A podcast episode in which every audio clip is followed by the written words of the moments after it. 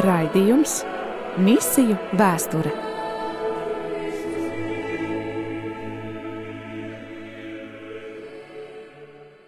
Dargais radījuma arī Latvijas klausītāji, atkal otra diena, atkal laiks misiju vēsturē. Šajā raidījuma ciklā misiju vēsturē ar tevi kopā esmu es Judīta Ozoliņa, būšu šo stundu, un ar mani kopā šeit mums jau, nu jau pastāvīga, tevi tiešām pastāvīga viešņa, misionāra Kristīna Ēce.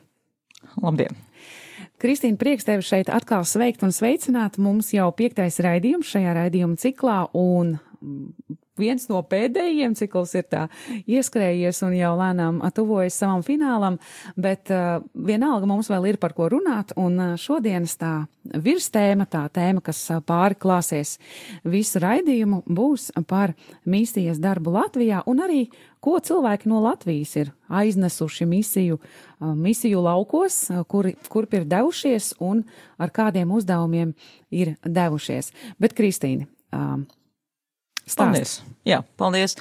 Um, es domāju, ka ļoti svarīgi ir saprast to, ka uh, bieži vien mums šķiet, ka mums vispār nekāds misijas darbs no Latvijas nav noticis. Mums, mēs parasti esam jutušies kā misijas lauks, kā misijas saņēmēji, un, protams, mēs esam ļoti pateicīgi mūsu senčiem un pateicīgi tiem, kas atnes evaņģēliju jau vairāk 800 gadus atpakaļ. Un tomēr tā gluži nav, ka mums pilnīgi nav nekādas misijas vēstures. Uh, bet pirmais pirms es e, sāku runāt par vēsturi, es gribu vienkārši tā kā tādu nelielu atgādinājumu atkal, kā visu šo mēnesi mēs runājam par misiju, ka pirmkārt, e, misijas darbs vienmēr ir saistīts ar baznīcu, Kristus miesu. Misija nekad nenotiek atdalīta no uh, draudzes no Kristus miesas. Un, protams, tajā pašā laikā atkal uh, atkarībā no konfesijas uh, Uh, varbūt šī misijas vēsture nedaudz atšķirsies, un kā jau man tā liekas, arī šī mēneša laikā mēs esam redzējuši, ka priesterim Andrim ir atkal kādi savi fakti, un uh, varbūt man vairāk nākot no protestantu tradīcijas ir atkal kāds savs skatījums. Bet tas mums tikai pagātina. Tieši, pareizi. tieši tāda mm. arī tā doma ir, jo tā tēma ir tik plaša, ka mēs vienā raidījumā tik un tā nevaram to apskatīt no visām konfesijām un no visām tradīcijām. Pat īstenībā izrādās vienā ciklā mēs to nevaram ielikt, tad būtu jātais veselu sezonu raidījumu, uh, raidījumi katru nedēļu. Tieši tā. Un jāliek pa mēnešiem varbūt kādi bloki, lai varētu uh, salikt vairāk tajā kurvītē. Jā, bet nu vismaz sāksim ar to, kas mums ir. Un, protams, mēs kā jau pirmajā, pašā pirmajā raidījumā mēs pieminējām kāds rakstu vietas, kas tad ir misijas darbs, lielais uzdevums no Mateja evaņģēlī 28. 18 līdz 20, kur mēs runājam par to, ka, ja es saku, visa vara un autoritāte man ir dota, un tāpēc jūs ejiet un dariet par mācekļiem. Un tātad mums šis uzdevums arī ir ticis dots, un tāpēc mēs arī esam to darījuši, arī kā latvieši. Mēs skatāmies arī to, kā tas norisinās no Latvijas. Un mēs paskatāmies vēsturi, protams, latvieši kā nācija definējas tikai 18. un 19. gadsimtā. Bet pirmos, ko mēs varam saukt par misionāriem, pat ja viņi nedavās netika sūtīti kā misionāri, bet tie ir mūsu uh, kolonisti, kas devās uz Gambiju un Tobago. 17. gadsimta vidū, vidū kurzems hercogs uh, Jēkabs Ketlers nodibināja divas kolonijas. Pirmā bija Gambijā. Tu zini, kur tas ir? Āfrikā. Āfrikā, tieši tā. Un otra Tobago. Un tā tad uh, hercogs uz abām šīm vietām sūta vācu lutrāņu mācītājs, protams, uh, tajā laikā latviešu mācītāji vispār nemaz nebija. Neeksistēja. Bet, uh, protams, vajadzēja arī kolonistus, nepietika ar vieniem pašiem mācītājiem. Un tātad šie kolonisti pārsvarā bija latvieši. Un, protams, viņi devās uz turieni, nodibināja savas draudzes tur, un līdz ar to mēs varam šo uzskatīt kā pirmo misijas kustību no Latvijas. Protams, lai gan šie latviešu zemnieki nedavās uz Gambiju un Tobago kā misionāri. Jā, tas bija man tā, es tā klausos un domāju, tā droši vien tā izrādi, ko mēs zinām, un tas stāsts, ko mēs esam dzirdējuši, izdziedam uz varbūt Dailes teātras skatos, nu mums noteikti neliek domāt par, par kādām misijām un par kādiem uzdevumiem, kas būtu doti tā kā. Nu, noteikti ne, viņiem noteikti nebija misijas uzdevums, bet uh, viņi bija kristieši Un viņi noteikti savu ticību paņēma līdzi. Paņēma līdzi, protams, to nevar. Un nošķirt. līdz ar to, nu kā aizbraucot uz turieni pie šiem ciltīm. Uh, Nu jā, tas ir piemērs, ko paņem līdzi, vai ne? Tieši tā. Mm -hmm. Un es domāju, ka viņi ar to dzīvoja, un es domāju, ka tie vietējie, uh, ja šie mūsu uh, latviešu luterāņi deva labu liecību, šim, šiem vietējiem iedzīvotājiem, tad viņi noteikti nāca pie Kristus. Un tad viņi, viņi bija aicināti, varbūt uzrunāti pārņemt šo. Tieši praksi. tā, tieši tā. Līdz ar to tas ir tāds. Mēs nesauktu, varbūt, jā, ka tie bija pirmie sūtītie misionāri, bet es domāju, ka noteikti ticība tika nesta un vārds tika sludināts. Nu, es domāju, ka cilvēks vispār dodoties uz kādu citu vietu, viņš savu, savā personībā, to viņš nevar nošķirt, to viņš nevar atdalīt, viņš neko nevar no sevis tādu atstāt mājās, ko aizbraucot tur, viņš funkcionējot, darbojoties, varētu nošķirt kā kaut kādu realitāti, kas viņam nepiemīt. Tātad viņš aizbrauc kā personība un viņš tur atrodas tāds, kāds viņš ir, arī ar visu ticību un praksi. Tieši tā, tieši tā, un līdz ar to tas ir tas, es domāju, kādai mēs runājam par misiju, uh, arī tādā kontekstā, pat ja ik viens no klausītājiem, uh, viņš varbūt nesaka, o, oh, es neesmu aicināts būt par misionāru, bet tu esi Kristus sekotājs tur, kur tu esi. Jā, e, esi tāds, kāds uh, Kristus aicina mums katram būt, un tā būs tava vislabākā misija un liecība. Tieši tā. Tur, tur nav nekas daudz jādara. Nu, labi, bet ejam tālāk. Pēc tam iestājas tā kā tāds klusāks brīdis, jeb um, Vēsturiskie avoti mums neko ļoti daudz uh, nestāsta. Mēs, protams, uh, uh, nonākam 18. gadsimtā un runājam par brāļu draudzēm. Par brāļu draudzēm, jeb hernhūtiešiem, un tātad uh, pirmie brāļi no Hernhūtas, no Vācijas ierodās ap 1727. 28. gadu. Ja mēs runājam par Latviju, tātad atgādinām, tā, jā, jā, jā, atgādinām, ka jā, jā, jā, viņi ierodās Latvijā. Mm -hmm. Un, uh, un iznāk tā, ka šie vācu brāļi, viņi ierodās Valmieras pusē, viņus uzņem uh, Valmiera mūžas uh, īpašniece, baronese von Hallarte. Un šie vācu brāļi, viņi vairāk, viņi nav diši ciltīgie, viņi ir vienkārši cilvēki. Un viņi vietējiem latviešu zemniekiem, un tāpat tās arī baronesei, un vietējiem arī lutrāņu mācītājiem sāk stāstīt par dieva jēru un par to, ko Kristus ir darījis priekš katru no mums. Diemžēl latvieši nav ļoti atsaucīgi, jo atkal tie ir vācieši, kas sludina. Nu, nevar zināt, kas tiem vāciešiem ir aiz ādas. Nu, lūk. Un, bet tomēr notiek brīnums pēc desmit gadiem. Tātad šiem vācu brāļiem bija ļoti ilgs misijas darbs. Desmit gadus desmit viņi gadus. strādāja. Jā. Un tad tā lielākā Izmaiņa notiek 1738. un 39. gadā. Tiek uzcelts skolotāju seminārs Valmiera muižā un tiek gatavoti skolotāji priekš latviešiem, latviešu traudzēs, un notiek svētā gara izliešanās. Un tas ir brīnišķīgs piedzīvojums, un tas izmaina visu brāļu draugu dzīvi Latvijā. Un latvieši piedzīvo atmodu un sākas jauns posms latviešu dzīvē. Un veidojas uh, brāļu draudzes. Uh, diemžēl latvieši joprojām tajā laikā ir dzimti cilvēki, viņi paši nekur nevar doties misijā, uh, bet arī viņi, saņemot gan uzņemot šos vācu brāļus, gan arī saņemot informāciju, viņi jau sāk daudz aizlūgt par uh, misionāriem un par neaizsniegtiem tautām pasaulē. Tātad šī uh, hanhūdiešu kustība nav tik daudz kustību uz āru, tātad, kā es teicu, latvieši nekur daudz tālu doties nevar, uh, bet tas ir atkal tā kā tāds uzmundrinājums domāt par misiju. Bet tā lielākā interese par ārmisiju parādās 19. gadsimtā. Um, un tātad tā, tie ierosinājumi ārmisijai nāk no Lutriskās baznīcas Vācijā, jo tur jau 19. gadsimta 20. gados tiek norganizēts vairākas eh, misijas biedrības. Un ar ārmisiju mēs šajā gadījumā domājam par to, kas no šejienes varētu doties ārpus valsts robežām un būt, šis būtu tas, tas kodoliņš, kurā paliek uh, lūkšanā cilvēki, kā līdzīgi kā Pāvils, viņš uh, devās sludināt, bet mājās tās tanī sirdī palika lūkšana par to. Tieši tā. Un līdz ar to Tātad eh, mēs, mēs varam tātad saprast, kā arī mūsu tautā, tātad latviešu tautā bija interesi par ārmisiju, par to liecina šajā laikā iespiestā un izdotā literatūra. Jo, protams, ja neviens nelasa, ja nevienam neinteresē, tad jau arī pēc tam arī vairāk neiespiež. Un tātad pirmie šādi rakstītie eh, iespiestie avoti ir piemēram 1833. un 34. gadā, kad iznāk straupas mācītāja Sokolovska ziņas par notikumiem iekš dieva valstības mīļām latviešu dvēselēm par atzīšanu. Tas ir draudzes nedēļas laikraksts, viņš iznāk divu lapu formātā, un um, tātad mēs varam izlasīt par to, ko tad latvieši varēja lasīt par to, kas notiek pasaulē. Pēc tam vēlāk uh, mācītājs Ulmanis, valsts, valsts, valsts baltietis, izdod literatūru arī latviešu valodā, un uh, 1846. gadā iznāk 25 lapus pušu bieza brošūra, kā Tahitī salas ļaudis palikuši par kristīgu tautu. Tad, tad atkal stāsts par to, kā kādi misionāri darbojās un kā vesela tauta kļūst par kristiešiem. Kādas salas ļaudis? Tahitī. Kas tas tāds ir? Tas ir klusā okeānā.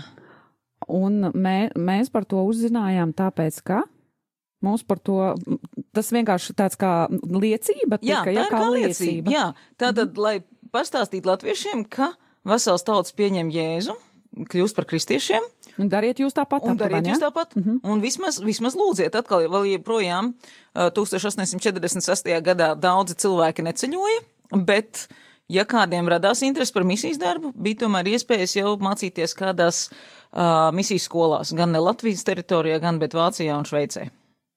Tie, kas varētu atļauties. Jā, tie, kas to varēja atļauties.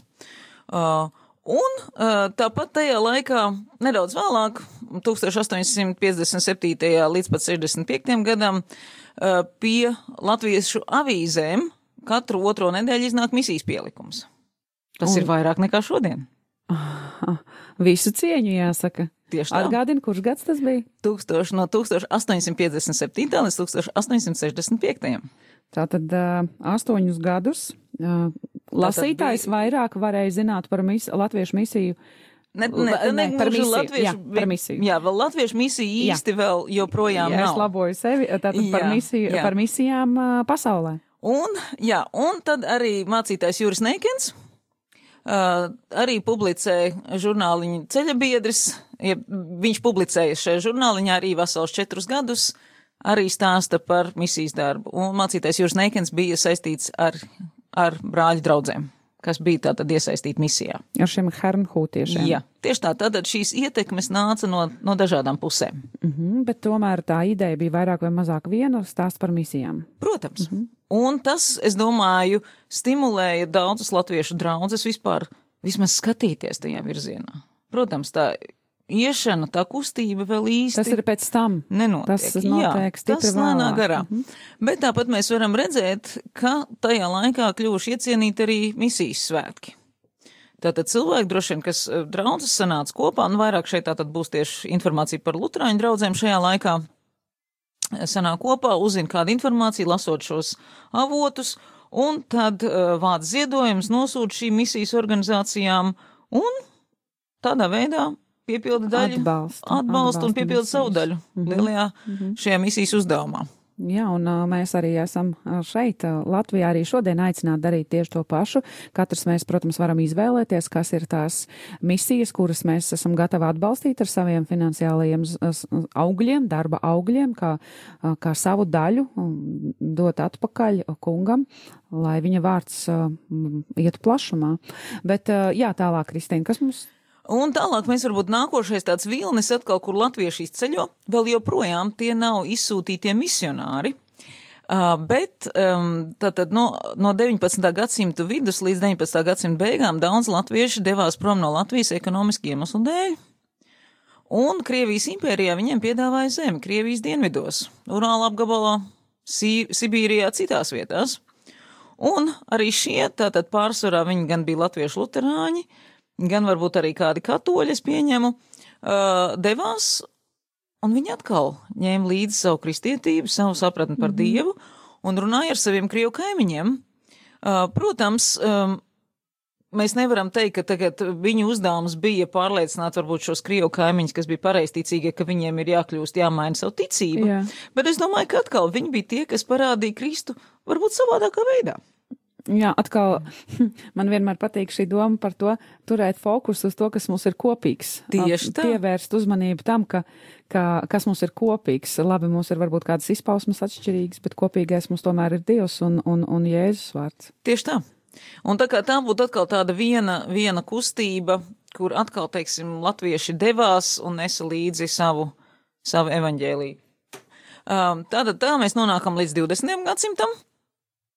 Ir uh, beidzies Pirmais pasaules karš, un Latvijā tātad izveidojas Latvijas republika, un Latvija sāk veidot savus, um, teiksim, gan iekšmisiju, gan arī ārmisiju. Tātad mēs esam nonākuši līdz šim laikam. Un šajā vietā es uh, teikšu Kristīnai, ievelc elpu. Mēs noteikti paklausīsimies kādu muzikālu uh, iepriecinājumu un atgriezīsimies pēc dziesmas, jo tad mēs runāsim par iekšmisijām un ārmisijām, un Kristīna mums noteikti pastāstīs, ko tad latvieši paši ir izdarījuši misijas laukā.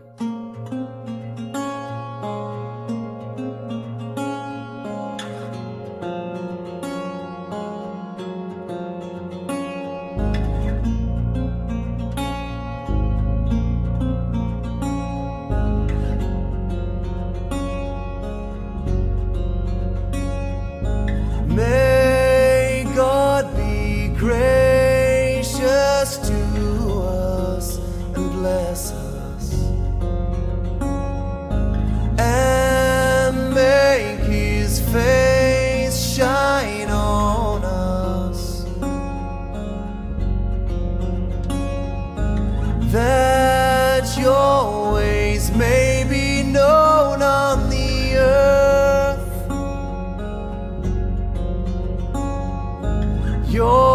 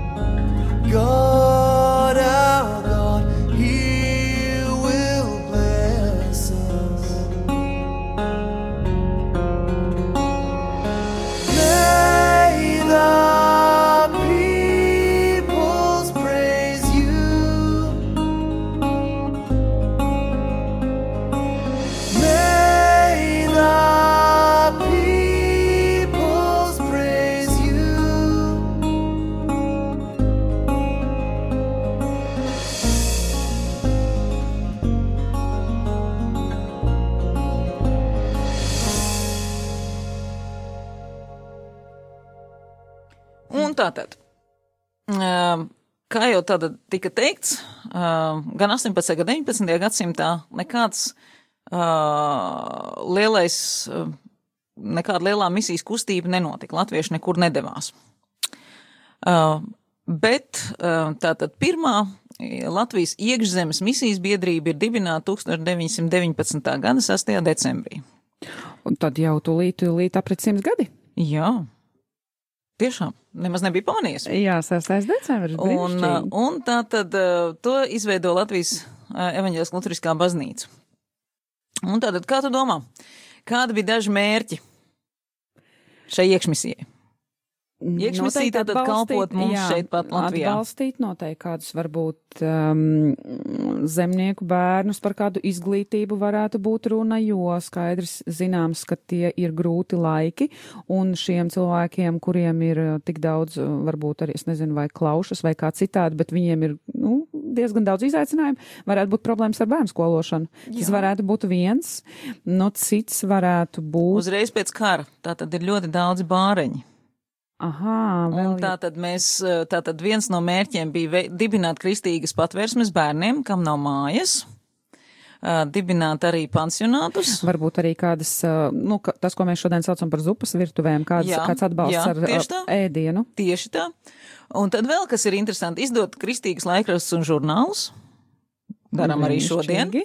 Uh, kalpošana prostitūtām interesanti, bet šodien arī tas ļoti ir vajadzīgs. Bet patiesībā. kas ierakstīts statūtos, tas ir ierakstīts, neko nedarīt. Un organizēt ģimeņu vakars. Nu, tas mums arī notiek šodien. Tieši tā, tā kā no vienas puses mēs nekur neesam iekšmisijā, mums tie mērķi, nu Tālāk, labi, mums, jā, varbūt tās mums nav vairs tik daudz bāreņi, bet es domāju, darbs ar bērniem joprojām ir vajadzīgs. Ļoti. Katrā, jauniešiem, ar jauniešiem, ar jauniešiem. Arī mēs šodien noteikti varētu pievienot arī tieši jā. šo fokusu uz darbu ar jauniešiem. Jā, un tieši tā, un vēl kāda lieta ir arī ļoti liels uzsvars ir uz jūrnieku misiju. Es nevaru pateikt, kurā gadā šī jūrnieku misija ir dibināta. Uh, Uh, bet tāpēc, ka Latvijai, protams, ir ļoti gara jūras robeža, un tajā laikā šīs ostas bija daudz vairāk. Tie ciemati arī. Ciemati, jā, un tātad šajās mazākajās ostās joprojām piestāja jūrnieki, un tātad. Uh, arī šie jūrnieki tika evanģelizēti. Nu, noteikti, jā, kāds, kurš at, arī no viņiem ierodas, vai ne, ar kādiem nodomiem, viņš piestāja krastā un ar kādu cerību viņš kāpj uz zemes. Tieši tā, tā tur ir noteikti ko pastrādāt. Un šeit mēs varam pieminēt arī tātad um, 20. gadsimta 20. gadi. Uh, arī Baptistu draugu locekļi ļoti aktīvi iesaistās vispirms tātad atkal iekšzemes misijā. Un um, viens piemērs no Baptistu kalpošanas ir Rīgas ielu misija, un to kopīgi dibināja Vācu, Latviešu un Krievu Baptisti. Un tātad uh, tas mērķis atkal ir nest evaņģēlī nabadzīgajiem, bezpajumtniekiem un arī prostitūtām. Laikam Rīgā, laikam Rīgā vispār Latvijā bija liela problēma. Nu, ļoti iespējams. Mēs noteikti varētu kādam atkal zinātājiem jautāt, kāpēc tajā laikā tik liels akcents uz to. Jā. Bet uh, iesim tālāk. Ejam tālāk. Un tad arī pie, pieminot baptistus, uh, tiek izveidota 1924. Mm, gadā uh, misijas un bībeles skola pestīšanas templī, un tātad dibinātājs ir uh, Viljams Fetlers, kuram sirds uh, sākotnēji deg par Krieviju, uh, bet uh, Krievijā pēc uh, padomju revolūcijas viņš tiek pasludināts bezmazliet par ienaidnieku numur viens, un Krievijas durvis viņam ir slēgtas. Uh, bet viņš joprojām deg misijas darbam, un tāpēc viņš izveido Latvijā šo Bībeles un misijas skolu. Un uh, iekš, iekšmisijā viņš um, arī atbalsta misijas stacijas Daugopilī un vairāk tātad ar krievisku runājošiem, bet um, viņa bībeles skolas absolventi dodas arī jau misijā uz uh, Indiju un Ķīnu. Tie ir pirmie, kas izbrauc uh, no Latvijas. Tie ir tādi pirmie zināmie, kas ir, kas ir uh, nu, no baptistu puses, ko mēs varam bet zināt. No Latvijas. Jā, bet no Latvijas. Un patiesībā vēl pat, pat pirms viņa bībeles skolas mēs esam, ir, var, iespējams, ir atrast vēl kādus uzvārdus. Dažiem cilvēkiem tikai ir uzvārdi minēti. Mēs pat nezinām viņu vārdus. Un šeit noteikti ir daudz lielāks vēl pētniecības darbs būtu Lauks. vajadzīgs. Mm -hmm. Piemēram, ir tāds minēts misionārs Lūkins. Viņš ir no Latvijas, bet mēs pat nezinām, vai viņš ir latviets vai, vai baltvācietis. Mm -hmm. Viņš ir um, pabeidzis um, mācības Leipzigas misijas seminārā, un misijas pārvalde viņa ir sūtījusi uz Āfriku jau sākot no 1900. gada. Tad mums ir vidzemnieks, vēl viens cilvēks, piedošana, nav vidzemnieks, Fricis Štambergs. Viņš ir no Kuldīgas, un viņš dodas arī misijā uz Āfriku no 1903. gada. Arī šeit ir šī sadarbība ar Leipzigas misijas biedrību, un būtībā sadarbība ar šo Leipzigas misijas biedrību turpinās līdz pat 20. gadsimta sākumam, kad vēlāk Vācu draudzes pārtrauca savu darbību Latvijā Mm, tad um, tātad beidzās arī šī sadarbība ar Leipzīgas misijas biedrību. Vēlāk, 1924. gadā ar bīskapa Kārļa Irbas gādību notiek Latviešu luterisko draugu pievienošanās misijas darbam uh, Zviedrijas luteriskās baznīcas sastāvā. Tātad, ja šīs Leipzīgas misijas durvis aizverās, tad mēs. Viņa meklē atbalstu citur. Jā, jo tāpēc, ka Latvijas baznīca joprojām ir jauna, tieši luteriskā baznīca, un pašai nav tāda līdzekļa vēl, lai uzsāktu ne, pilnīgi neatkarīgu misijas darbu, un tātad vispirms ir šis atbalsts no um, Zviedrijas, bet um, par uh, luterāņiem mēs vēl parunāsim nedaudz vēlāk. Vēl kāds vārds es gribētu pieminēt, piemēram, ir tāds cilvēks kā Staņis, Andrejs Staņislavs, kurš kalpo kā misionārs Ķīnā. Neko vairāk mēs par viņu īsti nezinām. Un nezinām to, kā, to lauku, ko viņš ir kopis jā, tajā. Jā. Un tāpat Augusts Puķi darbojas Ķīnā no 1917. gada. Tur gan mēs vairāk par Augustu Puķi zinām, ka viņš vairāk strādājis starp krieviski runājušiem cilvēkiem Ķīnā. Ja, tātad tās robežas mm. toreiz vēl nav tik, tik stingras tur, un daudzi krieviski runājušie bēgot varbūt no, arī no, no padomju varas pārcēlās uz Ķīnu, un tātad tur notiek šis misijas darbs. Tad mums ir vēl uh, vienkārši sievietes vārds, neko vairāk man nav izdevies atrast par viņu. Uh, Margrieta Vitānde Tahrina beidza misijas skolu Šveicē un Vācijā, un 1938. gadā devās kā misionāru uz Indiju. Tur viņa galvenokārt kalpoja bērnu namā. Bet, Kristīna, man jautājums, vairākas reizes jau par šiem misionāriem runāt, mēs dzirdam vārdu Indija. Vai tad tuvāk nekur, vai, vai arī, jājautā, vai tad tālāk nekur vairāk nevar aizbraukt? Man grūti pateikt, kāpēc, kāpēc Indija, kāpēc Indija bet uh, es domāju, pieņemot, viens no iemesliem varētu būt tā, tāds, ka Indija ir ļoti liela. Labi. Ļoti daudz dažādas, dažādas tautas. Ja? Indija ir apmēram pēc izmēriem tāpat kā no Latvijas līdz Spānijai. Ja mēs un tā saliekam, ir viena Indija. Un tā ir viena Indija. Mēs saprotam, ka tāpat kā mēs sakam Eiropa, uh, kur ir tik daudz dažādas tautas, tāpatās arī Indijā ir ļoti, ļoti daudz dažādas tautas apvienotas mm -hmm. kopā. Un tajā pašā laikā ir šīs dažādās kastas, kur ir šī, Jā. šis otrs um, šķērslis misijas darbam, ka tev praktiski jāstrādā ar katru kastu atsevišķi. Un es domāju, tas ir viens no iemesliem, kādēļ. Kādēļ Indija? Indija. Un es domāju, arī tur bija daudz atvērtākas durvis, tāpēc, ka Indija tajā laikā ir Britu kolonija, atvērtākas durvis nekā varbūt Ķīna kaut kur citur. Kaut kur citur. Lūk, Jo par Indiju es gaidu, es ļoti, Jā, ļoti gaidu nāk. šo, šo, šo vārdu, jo mēs dzirdējām, mēs dzirdējām šo mm, bīskapu, uh, Irbi, un es ļoti gaidu. Uh, stāsts būs par viņa meitu, ja es pareizi atceros. Jā, ja? Tātad, tas būs pēc mūzikas pauzes. Tas būs pēc mūzikas pauzes, un šis stāsts būs patiesi interesants. Bet šobrīd dosimies muzikālajā pauzē.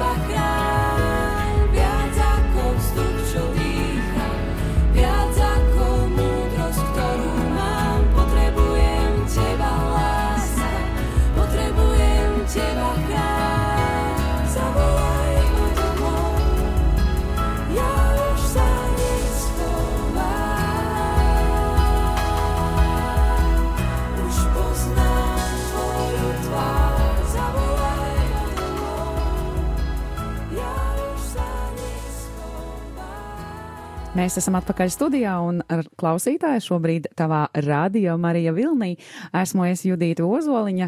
Un ar mani kopā šeit ir misionāre Kristīna Ēca, ļoti zinošs cilvēks par misijām, jo Kristīna, tu esi rakstījusi darbu par misijām. Jā, vairākus darbus. Vairākus darbus. Bet šī informācija, kas ir pašlaik tik runāta, tas nāk no man bakalaura darba. No bakalaura darba, jo Kristīna ir tieši studējusi misioloģiju, tāpēc viņa tiešām ir zinošs cilvēks par šīm lietām, un mēs Kristīnu aicinam Šodien esam aicinājuši runāt tieši par to, ko latvieši, kā tad Latvijā ar šo misiju uh, darīšanu, un varbūt netik daudz kā uz Latviju, bet tieši ko no Latvijas, uh, kas no Latvijas ir aizgājis um, tālāk tautās pasaulē.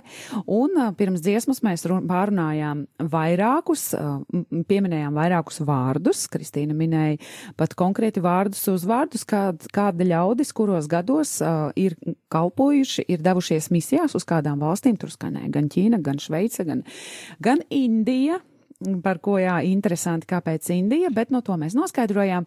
Un jā, ir kādas sievietes vārds, uh, kurš šajā latviešu misiju vēsturē tieši kā latvieši ir devušies misijā, nu es te, nu man gan vienmēr, vienmēr likās, ka tas ir pirmais latviešu, nu vismaz sievietes vārds gan droši vien jāsaka, ja? Ka, ka, Kāpēc Anna Irbe tieši ir tik īpaša? Vai tāpēc, ka vienkārši tu viņu spētījusi un tu viņu vairāk zini, vai tomēr ar viņu ar, ar kaut ko arī ļoti atšķirās? Es domāju, viņa gan ir vairāk pētīt, par viņu ir vairāk informācija, un, protams, viņa arī paspēja izdarīt daudz vairāk Uh, nekā varbūt iepriekšējie misionāri, kas tika sūtīti. Tātad viņa ats, arī, nu jā, jo šeit Latvijā viņas misiju stipri atbalstīja, zinu, ka vāca ziedojumus un, un sūtīja o, viņai uz, uz Indiju, lai viņa var ilgāk un lai viņa var vērti, nu, pilnvērtīgāk veikt šo misijas darbu. Jāsaka, man reiz gadījās arī televīzijā, man liekas, tā bija reģionāla, tele, jebkurā gadījumā par Latviju bija stāsts, kur mācītājs uh, Gins Polis, man arī ir prieks viņu pazīt, un viņš arī pie mums šeit pie radio studijā ir bijis, mēs esam runājuši par dažādām lietām, un kur mācītājs Gins Polis stāsta par baznīcu, kurā, es saprotu, tad arī Annas tēvs ir cēs pusē.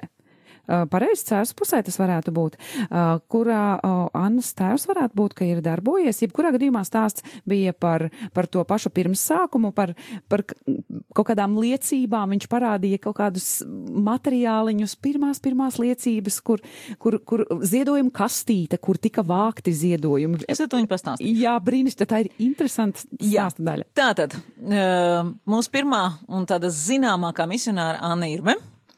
Kā tad tas sākās?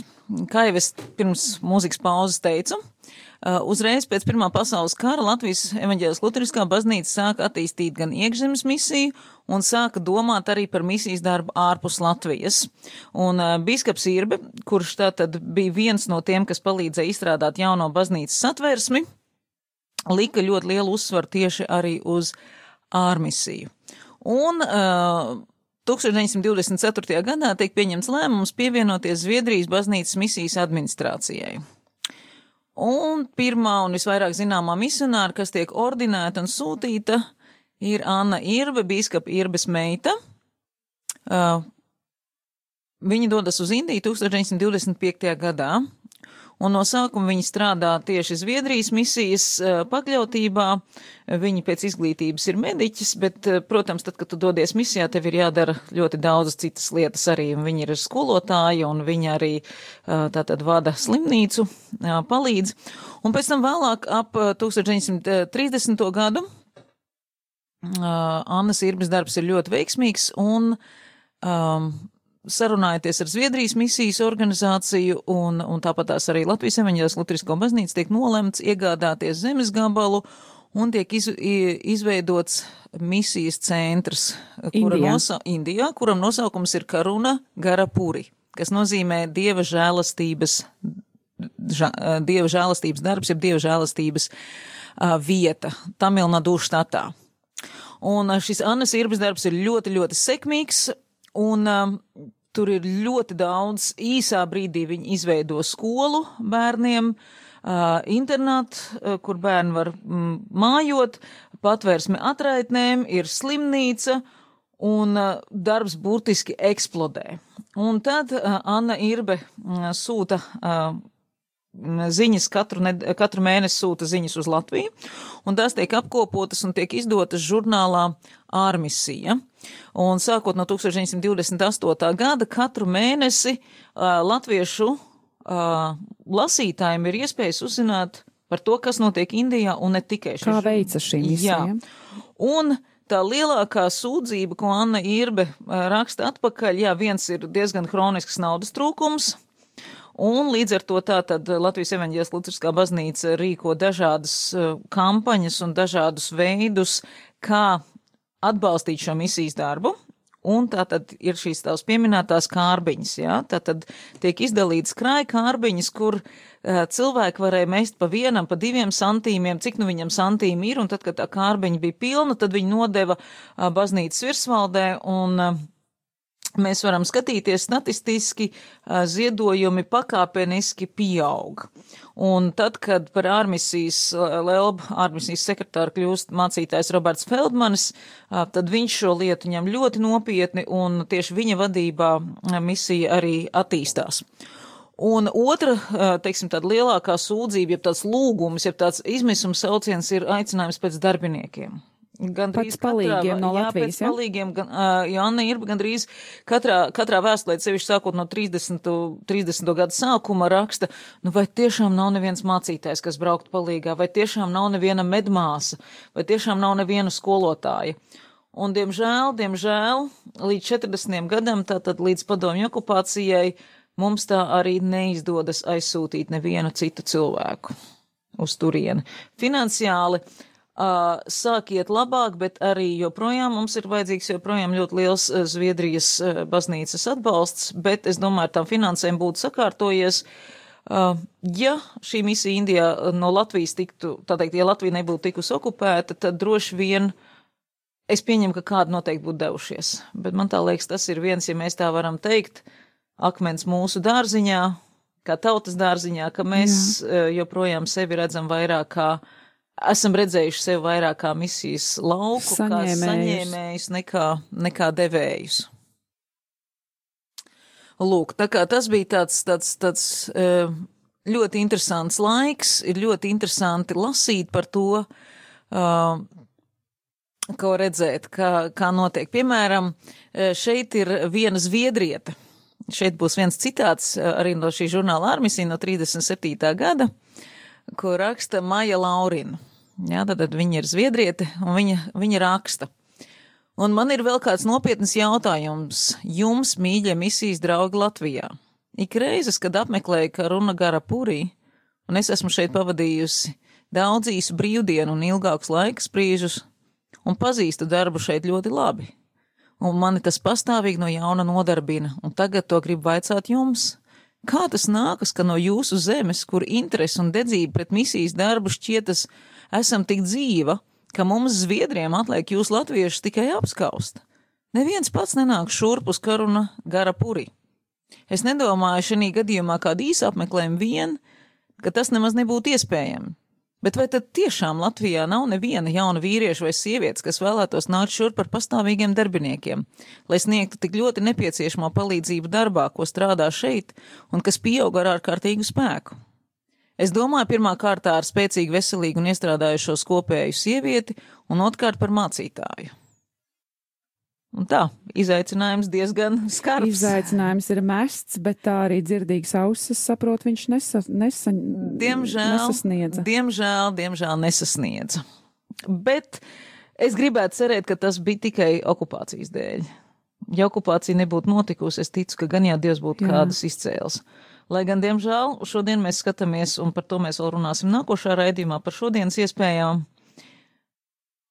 cik mēs esam gatavi šodien. Mācītājs Gīns Pols, viņš būtībā ir viens pats, kas jā, brauc uz turieni. Jā, tas bija tas, ko es arī uh, tavu stāstījumu laikā atcerējos, ka, jā, tā kā es mazliet, viņa, viņa gaitas vairāk nekā daudz citu luterāņu mācītāju gaitas, tad, uh, jā, viņš taču arī bija šī gada pašā sākumā. Viņš bija Indijā, un viņš diezgan ilgu laiku bija Indijā, un arī viņš, manuprāt, atgriezās tieši ar, ar, ar to pašu sajūtu, vai ne, ka tur ir un ir un ir ko darīt. Protams. Tikai būtu to darīt darītāju. Protams, protams. Un te mēs noteikti katrs pats varam sev uzdot to jautājumu, vai es daru pietiekoši, vai, vai tas, ko es sirdī jūtu, ka tas ir pareizi, vai es uz to atsaucos, un vai tā daļa, kuru es gribu paturēt sev, vai tā man nepaliek lielāka nekā tā daļa, uz kuru Dievs man aicina, ar kuru dalīties tas jautājums noteikti mm. mums var katram pašam palikt. Jā. Bet lai tas nepaliek kā tāda apsūdzība. Nē, patiesībā. tas, lai paliek vienkārši viela pārdomām, tad ir brīdī, kad mēs paliekam vieni ar savām domām. Tieši tā.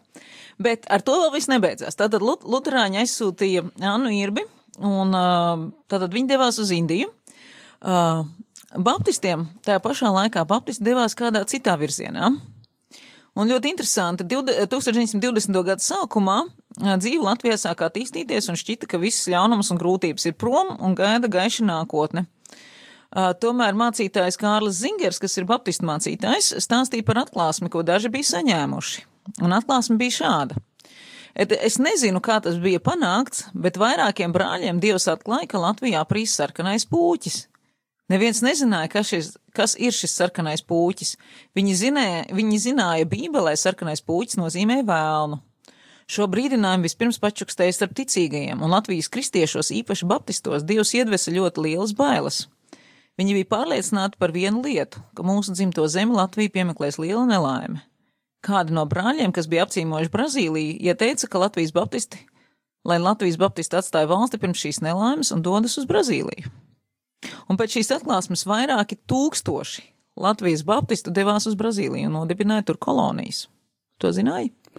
Kristīne, nu, es pat nevaru tagad saprast, vai tev teikt paldies par to, ka tu man apgaismoji, vai teikt paldies, ka tu man kaunā iedzini. Nu, nē, Lūk, Paldies, protams, tev, no vienas puses uh, viņi nedavās turp uh, kā misionāri, ja viņi negāja ar to vēlmi, uh, o, oh, mēs pasludināsim tiem vietējiem uh, Kristu, bet uh, viņi devās turp, mm, uh, bet līdzīgi viņi gāja tā kā šie kurzemnieki uz, uz, uz šīm kolonijām. Uh, viņi atzved līdz savu ticību un stāstīja par evaņģēlīju vietējiem brazīļiem.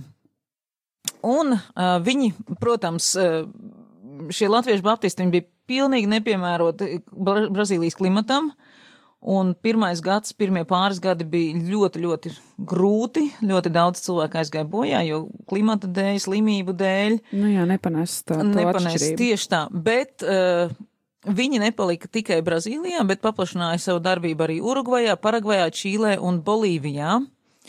Un patiesībā viens no latviešu ievērojumiem misijas centieniem bija Bolīvijā kāds latviešu ģimenes, kas tur dzīvoja, sajūta no tā kunga, ka viņiem ir jāizsniedz čikito indiāņi un ajorieši, un viņi nodibināja Rinkondela tigre misiju uz skolu, baznīcu, ajoriešu ciemata nometni, klīniku un darbnīcām. Tātad līdzīgi tāpat kā Anna ir darbojās Indijā, Jo tās cilvēku vajadzības jau ir tādas pašas Brazīlijā nu, kā protams, Indijā. Protams, tās pamata vajadzības visur. Un, uh, ja var tā teikt, mm, tad latvieši, tātad šie baptisti, Uh, mēs, protams, zinām, Brazīlija ir uh, katoliska zeme, uh, bet atkal ne visi, ne visi Brazīļi ir katoļi un ne viņi visi ir aktīvi piederīgi draudzēm, un bieži vien viņi ir tikai, viņi kristieši ir tāpēc, ka viņi tikai vārdu pēc. Nu, tāpēc, ka man sēņķi bija kristieši. Nu, tāpēc, ka te visi ir kristieši. Jā, nu, lūk, un tagad šie baptisti atbrauc, viņi, protams, ļoti uzsver šīs personīgās attiecības un, ar Dievu. Un, ja skatās statistiku, tad šodien uh, latvieši ir dibinājuši lielāko skaitu protestantu baznīcas Brazīlijā, procentuāli. Ja, tā, Latvieši ir lielākā daļa, kas ir veidojuši protestantu baznīcas. Jā, no, no visām protestantu baznīcām, kas ir Brazīlijā, mm -hmm. latvieši ir izveidojuši visvairāk viņas. Oh, jā, arī tāda statistika. Jā, arī tāda statistika. Jā, tātad kaut arī cilvēki varbūt nedavās kā misionāri sākotnēji, mm. bet esot aktīvi sludinot izdzīvojot kristīgo dzīvesveidu. Atsaucoties aicinājumam, kas, uz ko, ko Dievs sirdī ieliek. Tieši tā. Pateicība Dievam par, par tiešām par katru, kas atsaucās, un tad tā, tie misiju augļi var būt arī bagātīgi. Tieši tā, arī šodien. Un tad mēs arī praktiski nonākam pie šī okupācijas laika, kas mums tātad nogriež visu misijas darbu jeb tādu koncentrētu misijas darbu. Ja? Kā mēs zinām, padomi laikos varēja evanģelizēt. Bet pārsvarā tas notika tikai vienreiz, un tad tu saņēmi brīvu biļeti uz Sibīriju. Vienvirziena biļeti uz jā, Sibīriju. Jā, un tad, ja mēs varam teikt noslēgumā, varbūt tās pie, š, pie šīs sadaļas, pie misijas vēstures, e, mēs varam arī skatīties uz izsūtītajiem mācītājiem. Un arī, protams, citiem cilvēkiem, bet arī tieši mācītāji, ļoti daudz mācītāji tika izsūtīti uz Sibīriju, trimdā. Un, uh, ko tad viņi darīja? Viņi jau nepārtrauc Protams. būt mācītāji. Un, un uh, ir, ir zināmas dažādas liecības, kur, kur mācītāji, kad tik vien bija iespējams šajās, šajās nometnēs, uh, slepeni vāca ticīgos kopā, uh, lūdza kopā, uh, slavēja Dievu, cik vien bija iespējams svinēja vakarēdienu, dažkārt vienkārši ar, ar to maizes, kas bija sataupīta maizes drusciņām un ar ūdeni. Uh, svinēja sakramentu, jo tādēļ, ka tas bija svarīgi. Un līdz ar to atkal mēs nevaram teikt, ka arī šie mācītāji devās kā misionāri. Nu, bez šaubām, jā, bet, bet tas atkal ir at, tā neatrautījamā daļa, kas ir no cilvēka neatņemama, pat ja viņu, viņš ir kaut kādu citu iemeslu vai spiests vai izvēlējies pamest savu mītnes valsti. Tieši tā, tieši tā. Un tas, es domāju, ka tas arī deva uh, deva iespēju tātad uh, daudziem cilvēkiem piedzīvot Kristu arī, arī šajos drausmīgajos apstākļos, kur ļoti daudziem cilvēkiem vispār bija jautājumi, kāpēc es te esmu, ja es neko ļaunu neesmu izdarījis. Jā, un, un, un es domāju, ka arī šis Kristus ir tevī, un, un, un tad tu izdzīvo Kristu pat tajā vis, vissliktākajā, visbriesmīgākajā situācijā, kas nu ir. Uh, bet tā tad uh, pēc padomju okupācijas Annas Irbis misija Tātad Annas Irbas misija turpināja uzturēt ārzemju latviešu, īpaši Latvijas evaņģēlas Lutriskā baznīca Amerikā, Brazīlijas un Bolīvijas misija arī palika tā kā praktiski neatkarīgi, vairs nekādas saites ar Latviju nebija.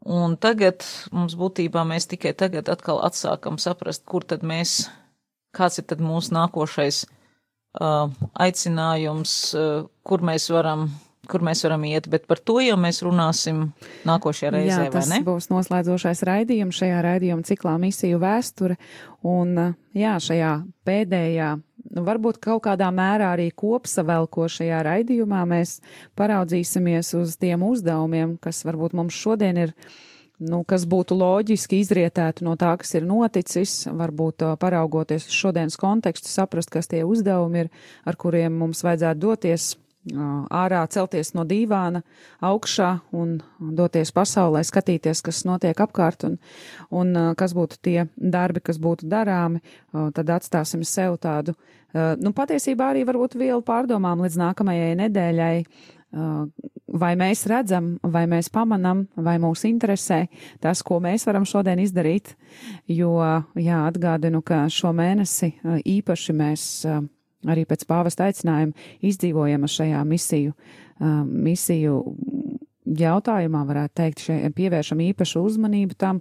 Un uh, vispirms, jā, katrs mums, mēs esam aicināti sākt ar sevi vienmēr, sākt katrs pats ar sevi, ko es varu darīt, kas ir mans mazumiņš vai lielumiņš, ko es esmu gatavs likt uh, šajā kopējā artavā, šajā darbā, lai kungs var, mm, nu, lai kungs var uh, piepildīt savu, savu, savu gribu šeit uz zemes, un mums ir jāatsaucās, un mums ir jādodas palīgā.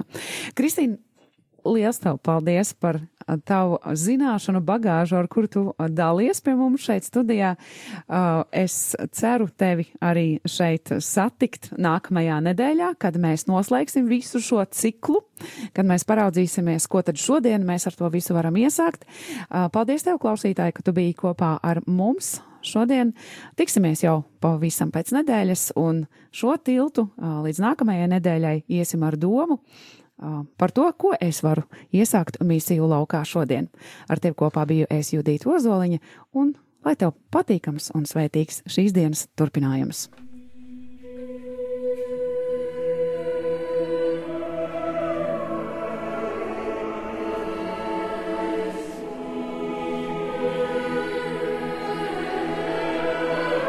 Raidījums Misiju vēsture